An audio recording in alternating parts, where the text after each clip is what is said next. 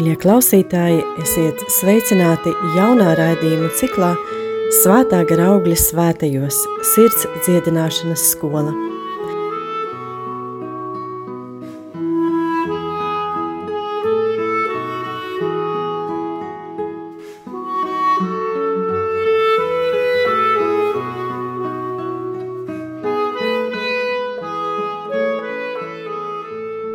Ar jums kopā būšu es, māsa Emanuēla no Euharistiskā Jēzus māsu kongregācijas. Šajā raidījuma ciklā jūs dzirdēsiet par svētā gara augļu, kā mīlestības, miera, prieka, labvēlības, labestības, lēnprātības un mērenības nobriešanu konkrētu svēto dzīvēs. Viņu piemērā mēs smelsim gudrību un iedvesmu un spēku atvērties savas sirds dziedināšanai – lai tā kļūtu dzīvības pilna un auglīga svētajā garā. Mēs droši vien visi vēlamies to auglīgu sirdi, vai skaidru skatienu, vai godīgu nostāju dzīvē.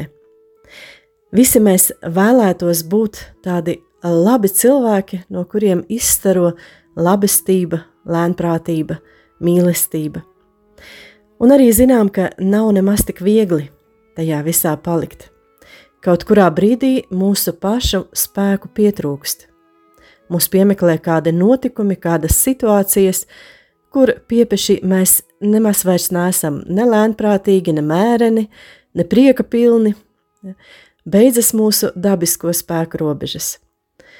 Un tad, paldies Dievam, ja mums ienāk prātā, hm, bet ir jau arī vēl Dieva bez robežu svētais gars Svētais gars, kurš vēlas mūsos audzēt šīs īpašības, šos tikumus, šos augļus, lai mēs kļūtu arvien līdzīgāki tam, ko svētais gars ir izveidojis jaunos Marijas klēpī, Jēzum Kristum, Dievam un cilvēkam, kurš bija patiesi mīlestības, prieka, miera, lēnprātības un visu citu brīnišķīgo īpašību um, paraugs un, un, un pilnība.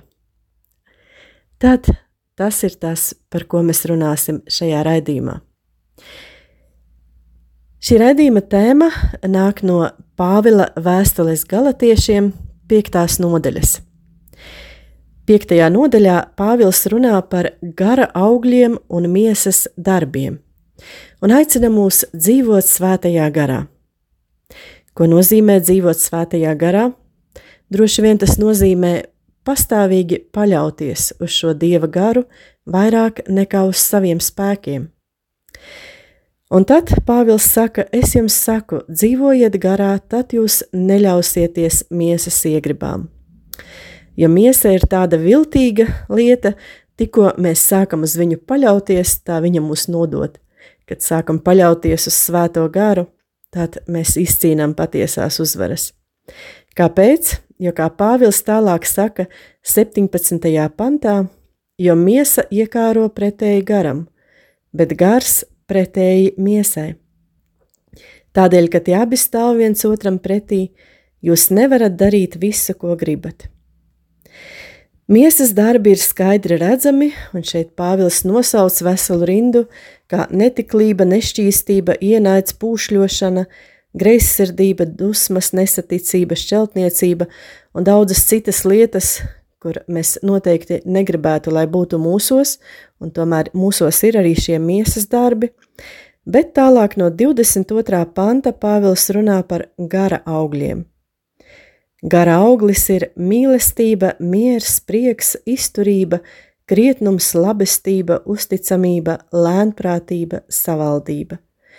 Un tālāk Pāvils saka tādu ļoti pārsteidzošu lietu. Viņš saka, pret tādām lietām nav bauslības. Ko tas nozīmē? Tātad uz šīm lietām neatiecas likums. Tas nozīmē, ka šīs lietas um, nekad nav piepildāmas. Ja?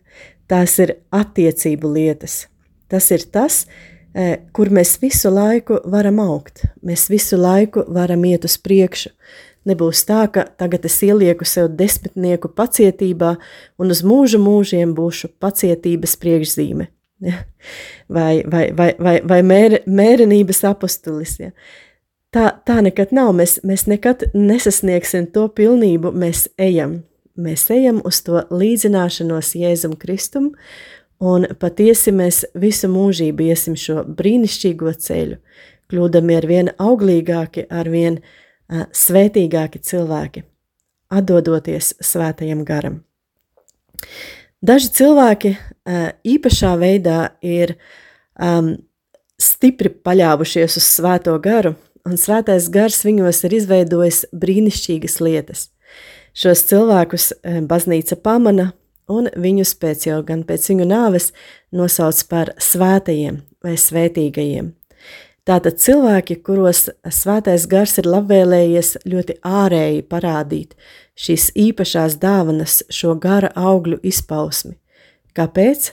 Lai iedvesmotu mūs visus, jo mēs visi esam nolemti būt par svētajiem. Tas ir mūsu liktenis, un vienam ātrāk, vienam lēnāk, bet visi šo svētā gara ceļu esam aicināti iet. Tātad šīm lietām, kā mīlestība, miers, prieks, krietnums, labestība, pacietība, nav, nav likuma, nav beigu. Tas vienmēr ir ceļš. Tad, lai svētais gars mums palīdz, lai mēs izvēlamies šo ceļu iet. Un šodien iesim jau pie ļoti konkrēta piemēra, pie viena no, vienas no brīnišķīgiem svētajiem, kuru, es domāju, Latvijā diezgan labi pazīstam, pateicoties daudzajām tiešām grāmatām, kas par šo svēto ir izdotas. Man liekas, nav laikam neviens cits svētais tik privileģēts mūsu zemē, mūsu valodā, kā māte Terēze no Kalkutas. Pateicoties viņas cienītājiem, tiešām ir, ir izdotas daudzas lieliskas grāmatas, un, un mēs, ja lasām, ja mīlam lasīt, tad šo svēto pazīsim. Žurnālists Malkoms Mageričs ir teicis, tumšajā laikā viņa ir gaisma, kura deg un staro. Nežēlīgā laikā viņa ir Kristus mīlestības evaņģēlie dzīvēs iemiesojums. Tā laikā, kad nav dieva, viņa ir vārds, kurš dzīvo starp mums, pilna žēlastības un patiesības. Tas ir ļoti pārsteidzošs un dziļš citāts, jo šī sieviete tiek salīdzināta un viņai tiek piedāvāti šie vārdi, kas svētajos rakstos attiecināmi uz pašu Jēzu Kristu. Un tas nebūtu nav kaut kas pret Dievu vai svētdzīgs, bet tas parāda, cik ļoti viņa savā dzīvē iemiesoja Jēzus mācību, cik ļoti viņa jau šeit, šajā savas zemes ceļā spēja būt Jēzum līdzīga. Un e, māte, mātes Terēzes stāstu e, es gribu jums piedāvāt uzlūkot tāda svētā gara augļa kā pacietība gaismā. Ar to mēs sāksim mūsu ciklu tieši ar pacietību. Kāpēc? Tāpēc, ka pacietība ir mīlestības pirmā īpašība un saka, ka tas arī ir visu tikumu iegūšanas pamats. Pacietīgi, pacietīgi un vēlreiz pacietīgi ejot savu ceļu un nenovirzoties no tā. Un e, māte Terēze ir tiešām mums piemērs, kā pacietīgi, kā pacietīgi būt šajā pasaulē, kura nereti izsit mūs no sliedēm. Iespējams, ka jums ir dzirdēts tāds e, mātes Terēzes teksts, kuru es arī tagad gribu pacitēt, kurš nereti daudziem cilvēkiem dod spēku tajos brīžos, kad dzīves likstas piemeklē un pacietība draud mazināties. Tad māte Terēze. Cilvēki mēdz būt nesaprātīgi, neloģiski un egoistiski. Tik un tā piedodiet viņiem. Ja jūs esat izrādījis laipnību, bet cilvēki apsūdzēja jūs slepenos personiskos nolūkos, tik un tā izrādiet laipnību. Ja jūs esat guvis panākumus, jums var rasties daudz neīstu draugu un īstu ienaidnieku. Tik un tā gūstiet panākumus. Ja jūs esat godīgs un atklāts, tad cilvēki var jūs apmānīt. Tik un tā esiet godīgs un atklāts. Tas, ko jūs esat būvējuši gadiem ilgi, var tikt iznīcināts vienas stundas laikā. Tik un tā turpiniet būvēt. Ja jūs esat ieguvis patiesu laimi, cilvēki jūs apskaudīs. tik un tā esiet laimīgi. To labo, ko jūs esat radījuši šodien, rīt cilvēki aizmirsīs. Tik un tā dariet labu. Dalieties ar cilvēkiem visā labajā, kas jums ir, lai gan tā nekad nebūs gana. Un tik un tā turpiniet dalīties ar visu labāko, kas jums ir. Un vēl māte Terēze piebilst, ka beigu beigās jūs pārliecināsieties, ka tas viss notiek starp jums un Dievu, un nekad nav bijis īsti tikai starp cilvēkiem un jums. Iespējams, ka tieši tas ir mātes Terēzes lielās pacietības noslēpums. Tātad dosimies pacietības izzināšanā, bet tagad aicināšu uz muzikālo pauzi.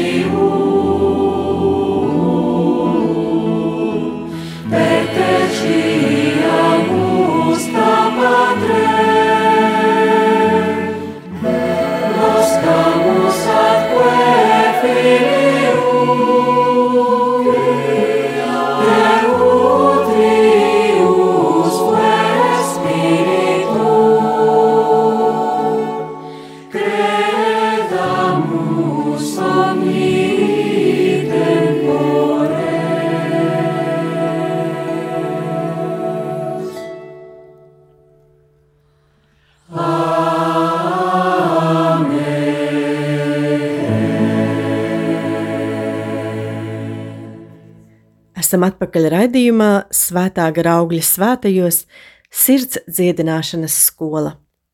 Un šodien mēs runāsim par tādu svētā gara dāvanu, svētā gara augli, ko sauc par pacietību, ko arī svētais Pāvils sauc par mīlestības pirmo īpašību.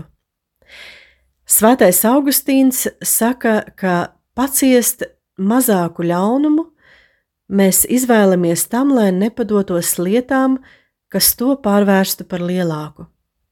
Citiem vārdiem sakot, pacietība palīdz nevairot, nepalielināt ļaunumu. Un tā ir pacietība tātad ar šo mērķi. Tas nav tāpēc, ka mēs paciešam, ka mums trūkst mugurkaula, vai tāpēc, ka mēs baidāmies kaut ko pateikt vai izpausties, bet tāpēc, ka mēs brīvi izvēlamies nevairot ļaunumu, gan savā sirdī, ko, ko veicina pacietība, tātad arī gan, gan savā vidē. Kā kādreiz dziedāja brāļi ziemeļi, tātad, lai labajā nosprūst naids kā bulta ozola zīlē, ja, lai apstājas, lai pie manis ļaunās pieredzes apstājas. Protams, pacietība ir arī daudz citu uzdevumu, tā piemēram, caur pacietību mēs arī mācāmies, ja, caur šīm uh, Protams, šajā vārdā ir arī tā sakne ciest, jā, caur grūtībām kaut kas ir jāpacieš, bet mēs caur to mācāmies, kā reiz mācījāmies rakstīt, mācījāmies lasīt, mācījāmies strādāt ar datoru un, un zinām, cik, cik daudz asaru dažreiz un, un grūtību tas sagādāja, bet tas ir auglis, ko mēs varam pēc tam izmantot savā dzīvē. Un tas pats attiecas, protams, uz psiholoģiskām un garīgām lietām. Šeit arī nav, nav gari jārunā, tas visiem saprotama ir šī pacietības vērtība. Un atgriezīsimies tagad pie mūsu šodienas svētās, pie mātes Terēzes. Kā viņa pati savos rakstos atzīmē, viņai bieži esot trūcis pacietības. Tāpēc arī izvēlējos tieši māti Terēzi par piemēru tam, kā cilvēkā aug svētā gara augļi un caur ko tie aug, caur kādiem pieredzēm, caur kādiem notikumiem, jo tas ir cilvēks, kas galīgi nebija pacietīgs pēc dabas. Mums katram ir savas dabiski iedzimtas īpašības, kuras mums ir e, vieglāk praktizēt. Ja? Kāds ir pacietīgāks, kāds ir enerģiskāks, kāds ir, kāds ir priecīgāks pēc dabas, kāds ir klusāks.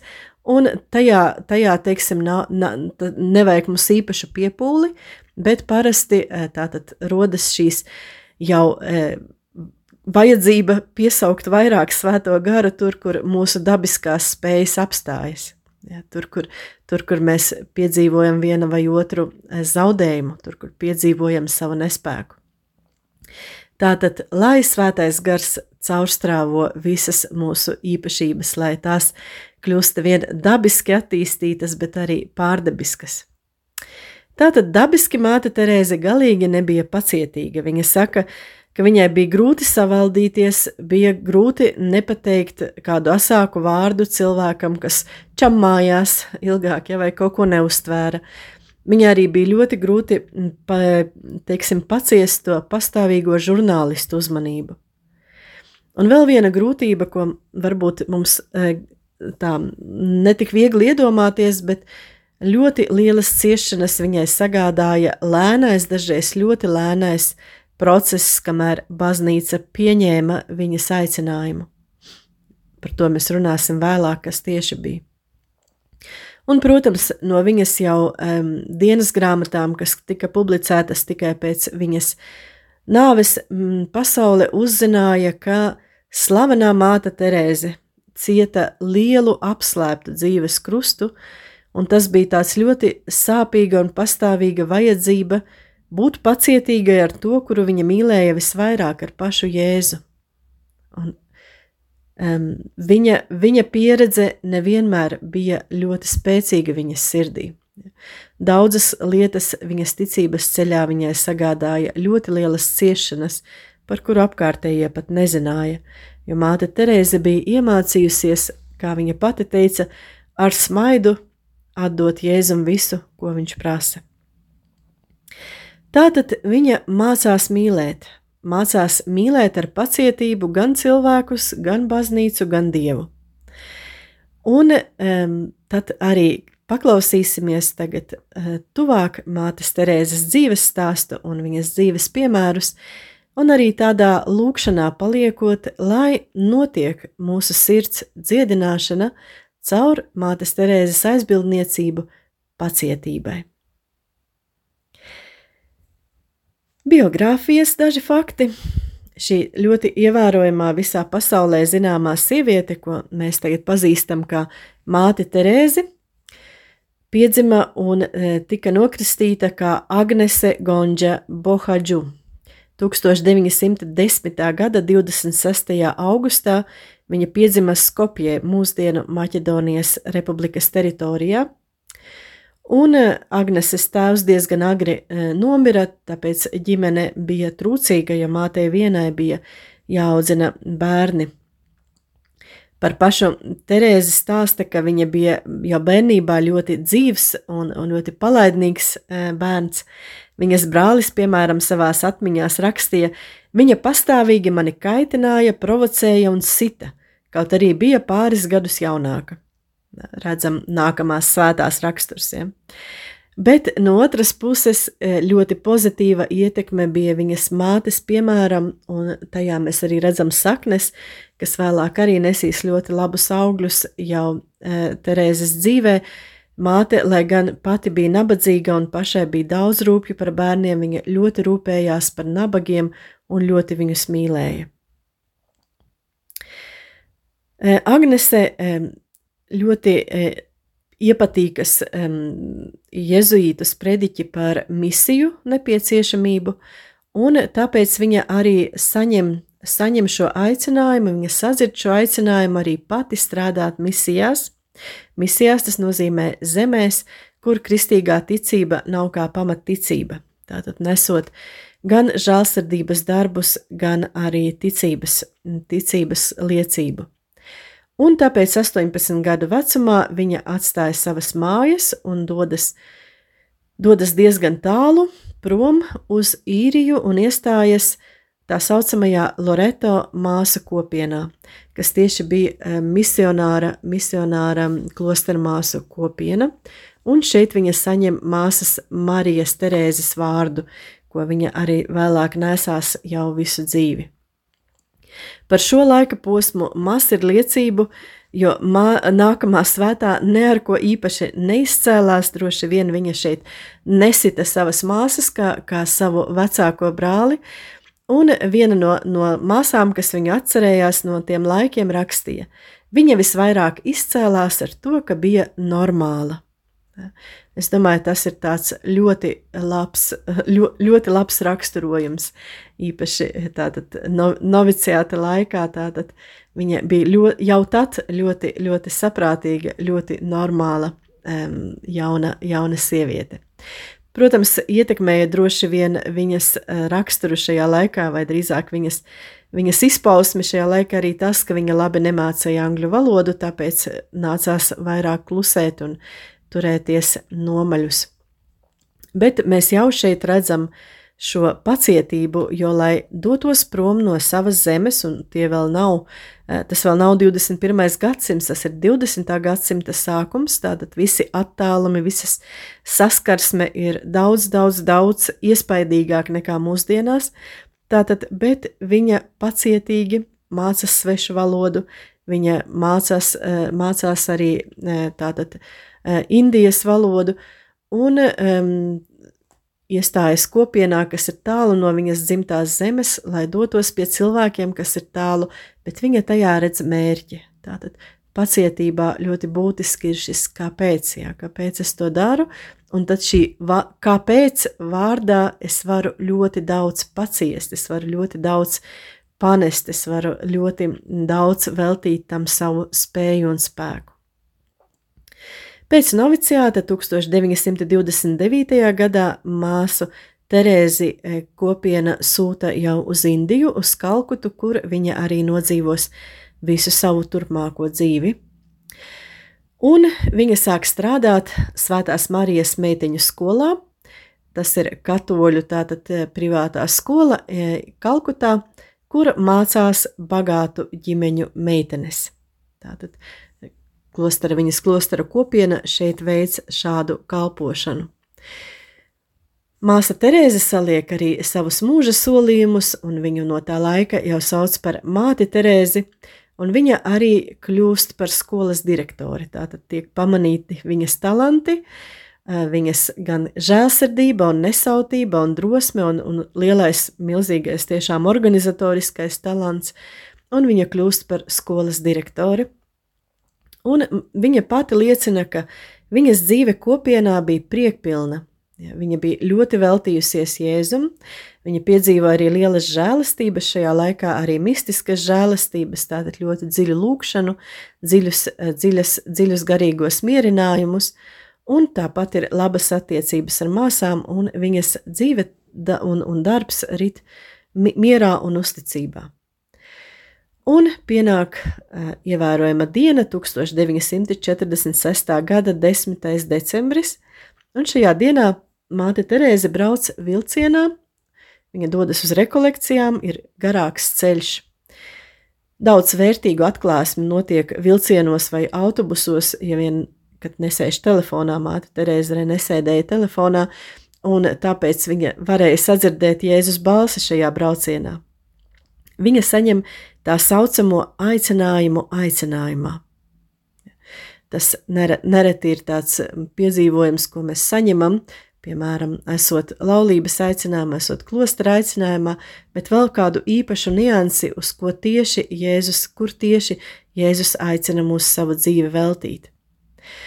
Un šajā, šajā braucienā viņa piedzīvo milzīgu, milzīgu žēlastību, kas pārpludina viņas dvēseli, viņa sajūta Jēzus slāpes pēc dvēselēm, un viņa sajūta milzīgas alkas remdēt šīs slāpes.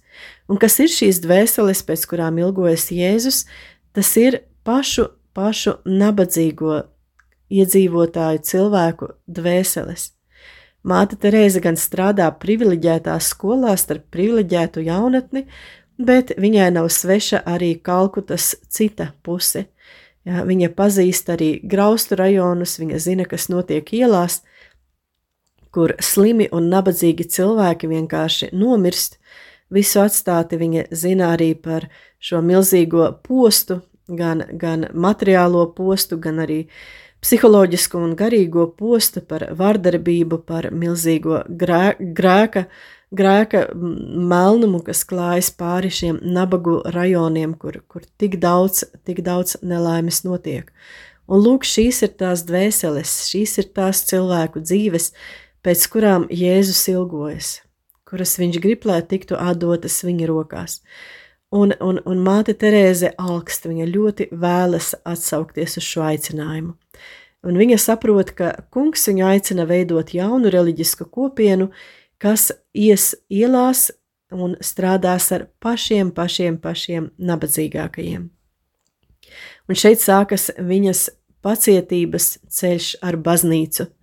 Kā jau teicu, jo, protams, baznīca tas ir gan Terēzes eh, priekšniecība, gan garīgā vadība, eh, arhibīskaps, arī Vatikāns nesteidzas izlaist šo enerģisko sievieti, nenoskaidrojot, vai tiešām šis viņas aicinājums ir īsts. Tātad baznīca veic šo atpazīšanas darbu, un tas prasa divus gadus.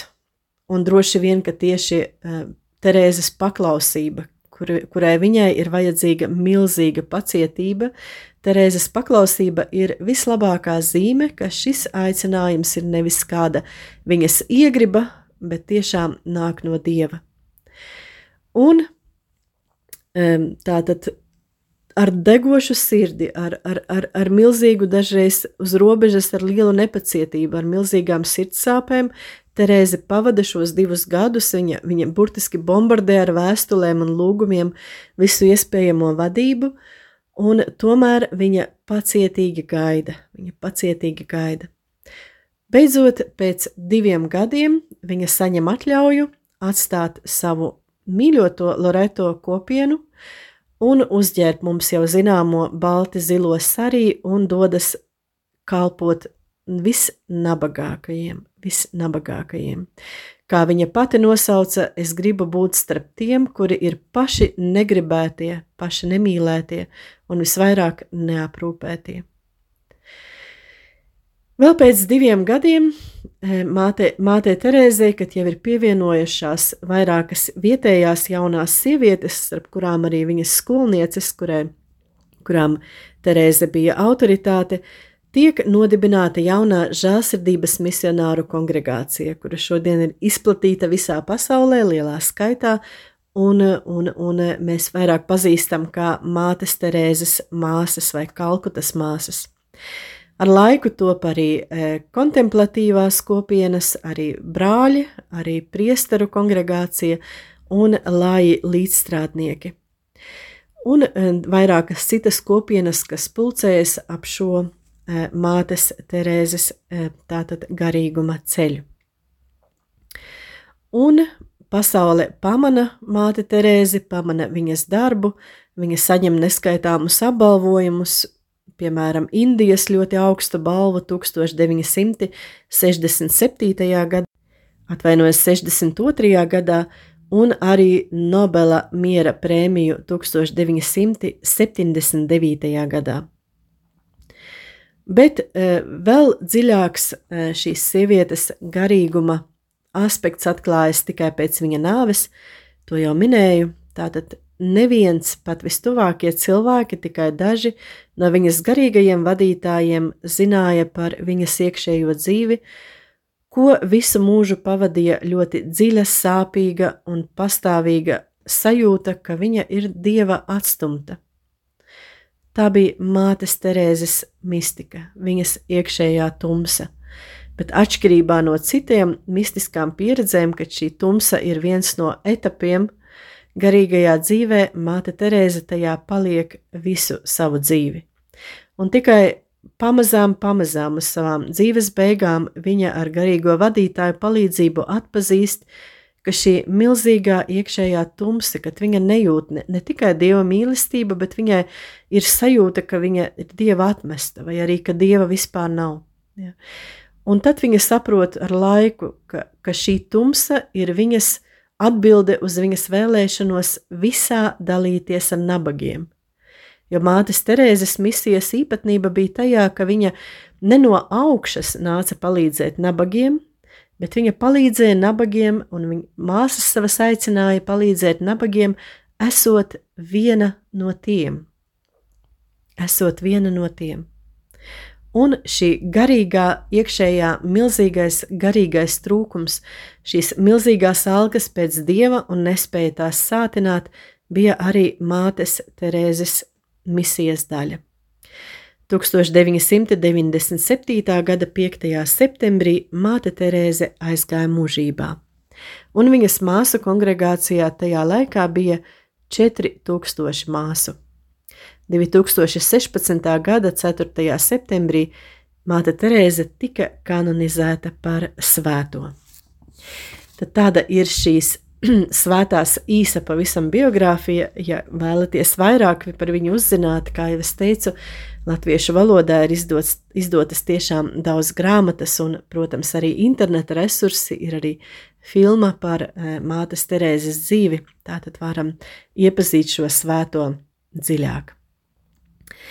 Bet tagad uh, mēs dosimies tajā ceļā, kas kas ir arī mūsu šī raidījuma pamatmērķis, tas ir iepazīt, kā mātes Terēzes dzīvē, kā caur dažādām viņas pieredzēm auga viņas pacietība, kā viņā mm, uzplauka un nobrieda šis svētā gara auglis, kas ir pacietība. Tad par to pēc dziesmas.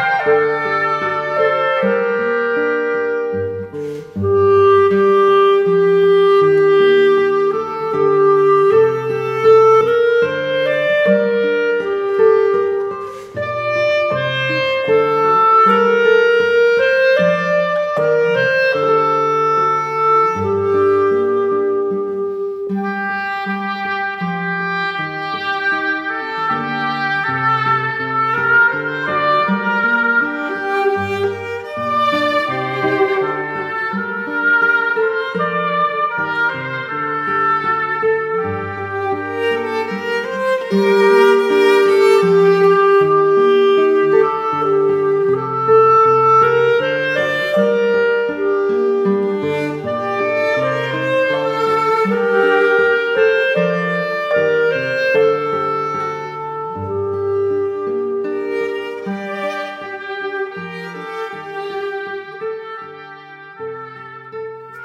Mīļie klausītāji, esam raidījumā Svētā graugļa svētajos, sirds dziedināšanas skola un runājam par pacietības augli mātes Terēzes, Kalkutas mātes Terēzes dzīvē. Pacietības tikums nodrošina pilnību. Kā jau teicām, pacietība ir visu citu tikumu pamatā, jo nevar tos sasniegt ātri. Mēs ejam soli pa solim. Svētais Cipriāns ir teicis, ja mīlestībā nav pacietības, tad nav arī pašas mīlestības. Un tā pašā laikā ar humoru mazliet varam teikt, ka pietiek satikt pāris cilvēkus savā dienā, un mēs jau jūtam, cik ļoti mums atkal ir vajadzīga pacietība. Tātad pacietība ir tāda dvēseles īpašība, kura ir kā mūsu dzīves saknes, Tā nav no tām pievilcīgākajiem augļiem, kā, kā mīlestība, kā prieks, kā miers, kurš staro.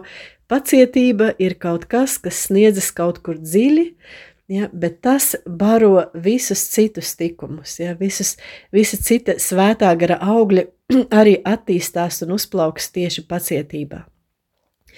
Un šīs saknes nav kaut kur apslēptas zem zemes, Bet, kā Zenta Mauriņas slavenais teiciens saka, mūsu saknes ir debesīs, jeb mūsu saknes, arī mūsu pacietības saknes ir ticībā Dievam. Un, un tad, kad mēs praktizējam pacietību, kad izvēlamies būt pacietīgi, mēs pamazām nonākam pie tādas dziļas atziņas, kura pēc tam arī palīdz mums būt pacietīgiem, ka Dievs ir tas, kurš vada šo pasauli. Mēs pamazām saprotam, ka viss pieder viņa pestīšanas plānam. Un dažas no lietām ir jānogaida. Ja, mēs dažreiz esam nepacietīgi pie lūkšanā, vai, vai kāpēc kaut notiek un, un kāpēc mēs nesagaidām.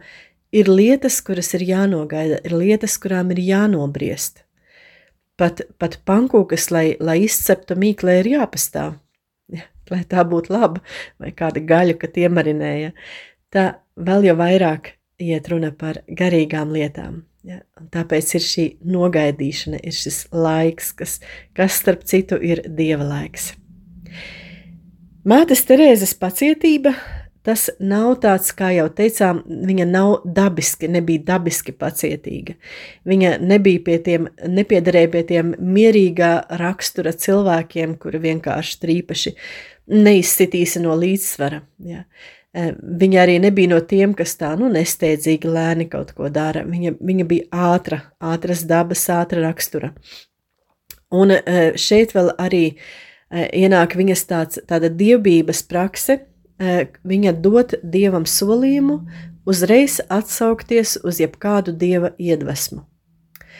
Un, un, un, un tas nes ļoti labus augļus, šis solījums viņas dzīvē, jo viņa droši un ātri iet uz priekšu savā darbā. Mēs varam tikai iztēloties šo milzīgo darbu, ko, ko šī tiešām ārēji trauslā sieviete ir pabeigu, pa, paveikusi pasaules labā.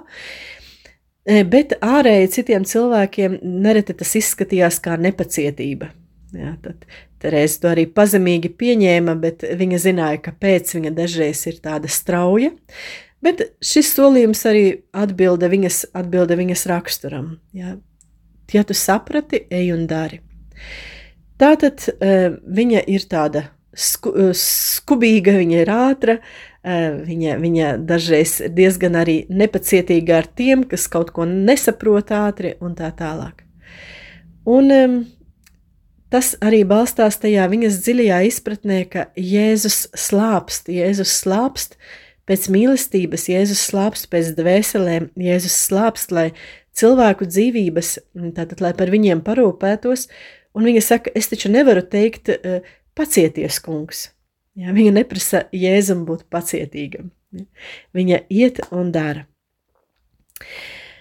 Un tātad pirmais, e, pirmais solis, ko mātei Terēzē vajag iemācīties, ja, un, un šo augli, ko viņas dvēselē vajag nobriedināt, tā, protams, ir pacietība ar pašu Dievu. Pacietība ar šo Jēzu, kuram viņas sirds pieder. Lepnība mūsos saka, ka mēs izdarītu labāk nekā Dievs. Ja, kāpēc mēs dažreiz esam, esam nepacietīgi ar Dievu, mums liekas, ka mēs jau labāk zinām, mēs ātrāk sakārtotu. Un nereti šāda rakstura īpaši cilvēkiem ir grūti palikt lūkšanā, taču vajag darīt. Ja. Lūkšana tas ir, nu, ka neko vairāk nevarat padarīt, nu tad varam vēl lūgties. Ja. Tas ir tāds Atgādnais domāšanas veids ļaunajam garam ļoti patīk apgriezt kaut kādas pacietības otrādi. Ja? Vietā tā, lai būtu daudz lūkšana un tad padaram, ja? tad labāk mētājamies, ņemamies, ja? darāmies, un tad, kad jau vairs neko, tad, nu, tad var arī vēl palūkties. Ja? Nu, tas. E, patiesībā mēs redzam, piemēram, no Jēzus piemēra, ka viņš pirms katra e, liela darba, lielāka darba, tāpat e, bieži iet un lūdzas, ilgi paliek ilgā lūkšanā. Un, protams, šādai lūkšanai ir vajadzīga pacietība. Īpaši tad, ja nesaņemam uzreiz skaidras atbildes. Kā, kā ir kāds um, humors par to, kā cilvēks lūdzas, kungs, dod man pacietību un tūlīt pat. Ja. Vai arī um, tātad um, gaidām to atbildi no kunga. Piemēram, svētais Antonijs, tūkstneša tēvs Antonijs, ir pat tāda slavena glezna, svētā Antona kārdinājumi, tātad viņam brūk virsū visi iespējamie kārdinājumi, viņš dedzīgi lūdzas, un, un Dievs nepalīdz. Un svētais Antonijs cīnās līdz asinīm visu nakti, un tad viņš saka, kungs, kur tu esi? Un kungs saka, tavos pārbaudījumos es biju līdzās, un vēroju, kā tu tiec galā. Un šeit ar kungu var sadusmoties, šeit mēs varam kļūt nepacietīgi ar kungu. Kāpēc tik ilgi es eju šajā pārbaudījumā? Un droši vien ir lietas, par kurām tikai debesīs mēs uzzināsim, kāpēc tik ilgi un ko mūsos norūdīja šis dieva dotais laiks. Tātad pacietība ir viens no dieva pedagoģijas pamat, pamat instrumentiem. Ja. Un mēs varam e, pieaugt paši mēģinājumu un kļūdu un sasnieguma veidā. Ja, tāpēc nereti mēs nesaņemam to e, dievu no mašīnas, ja, ka tūlīt pat ar to patiesa ticība atšķiras no buršanas. Arī no buršanas ticībā, ja, kad, kad um, vajag mums ātri jā, kaut ko saņemt. Ja es iedegšu trīs sveces, tad es saņemšu lūk šādu žēlastību, ja mēs gribam šo dievu no mašīnas. Dieva žēlastība, dieva pedagoģija ir ģeniāla un tā tiešām nav burvestība pedagoģija. Tātad tas ir arī labas zāles pret lepnību. Ja, šīs, šīs mūsu mēģinājumi, mūsu kļūdas, mūsu kritieni, no kuriem mēs mācāmies, un tā tālāk. Tātad šāda pedagoģija un šādā veidā izaugusi pacietība kļūst par cerības māti. Lūkšanai jābūt pacietīgai, pastāvīgai un uzstājīgai. Un šādas lūkšanas arī mūsu latviešu tautā ir pazīstamas piemēram, kā rožu kronis vai kā mise ar, ar gariem dziedājumiem, kad dažreiz ir, ah, cik gari tas būs, vai arī kāda mm, pastāvīgi atkārtota iekšējā lūkšana vai kāda meditācija, kad nu, mēs jau nevaram vairs nosēdēt un, un, un cik ilgi, un, un mēs paliekam tajā. Ja, tas ir brīnišķīga lūkšana, kurā arī mēs mācāmies, Un mācāmies ne tikai pacietību, mēs tādā lūkšanā mācāmies dieva laiku. Māte Terēze, kā jau runājām, tātad viņa saņem savu aicinājumu, aicinājumā, un tajā brīdī viņa piedzīvo milzīgu dieva mīlestību, ekstāzi. Viņa dzird savā dvēselē dieva balsi tik, tik reāli, tik tuvu. Un pēc tam tas beidzas, un sākas visas viņas turpmākās dzīves iekšējā tumsa, par kuru jau runājām. Tātad šī mistiskā pieredze, šī savienošanās ar vislielākajiem nabagiem, kuri ir tie, kam nav dieva. Cilvēks var būt bagāts, var būt pārticis, bet vislielākā nabadzība ir dvēseles nabadzība, ticības nabadzība, kad nav ticības. Tātad um, Jēzu Terēze mīl kā savu mīļoto. Ja, viņa piedzīvo savu aicinājumu kā laulību ar Jēzu. Viņa bieži par to arī, arī runā. Ja. Un viņa saka, dažreiz man ir ļoti grūti uzsmaidīt savam mīļotajam. Kāpēc? Jo viņš ir ļoti prasīgs. Un, ja žurnālisti mātes Terēzes dzīves laikā varēja pasmaidīt par šo viņas atbildi, tad tagad mēs zinām, cik daudz Terēzei vajadzēja pacietības ar Dievu. Tā bija visas dzīves pacietība, piedzīvojot šo dieva laiku, kas ļoti atšķīrās no tā, kā viņa saprata, kā viņa gribētu būt. Cita veida pacietība ar Dievu ir vajadzīga ļaunuma priekšā. Ja, tad arī cilvēkos mūsos rodas uh, liela, liels kārdinājums pret Dievu. Un, un tā ir pacietība tā priekšā, kurš ir citāds, kura mēs nesaprotam, kāpēc Dievs kaut ko pieļauj. Ja. Tas mūs pārspēj. Kad lasām ieba grāmatu, tad vienīgā atbilde uz ieba saucienu, kāpēc tā notiek, Dievs parāda kosmosu, parāda zvaigznāju ceļus un saka, vai tu šeit kaut ko saproti? Un ieba, iebs paz, pazemo sevi kunga priekšā un saka, es saprotu, Ja, un es ticu, es saprotu, ka es nevaru, nevaru izprast tavu, tavu vadību un tavu gribu. Ja, un, un šeit ir vajadzīga arī pacietība, milzīga ticība un arī pacietība. Mēs nevaram nokontrolēt visu dzīvē, mēs nevaram savažot visu ļaunumu. Mēs tāpat arī neredzam un nevaram paredzēt savu darbu rezultātus vai savu ciešanu mērķa, kāpēc mēs ciešam, kā tas viss kalpos lielākam labumam. Un līdzīgi kā mātei Terēzē, tā arī katram cilvēkam šajos pārbaudījumos, kad mums vajadzīga pacietība ar Dievu, mums atliek lūgt žēlastību, lūgt žēlastību, lai mūsu ticības gaisma apgaismo soli pa solim, soli pa solim, ticot, ka ejam tajā tuvāk Dievam. Ar to šodienas raidījumu noslēgsim sarunu par pacietības augli mātes Terēzes dzīvē. Turpināsim pēc mēneša šajā raidījumā, pirmajā mēneša pirmdienā. Ar jums kopā bija Euharistiskā Jēzus māsas, māsa kongregācijas māsa Emanuēla.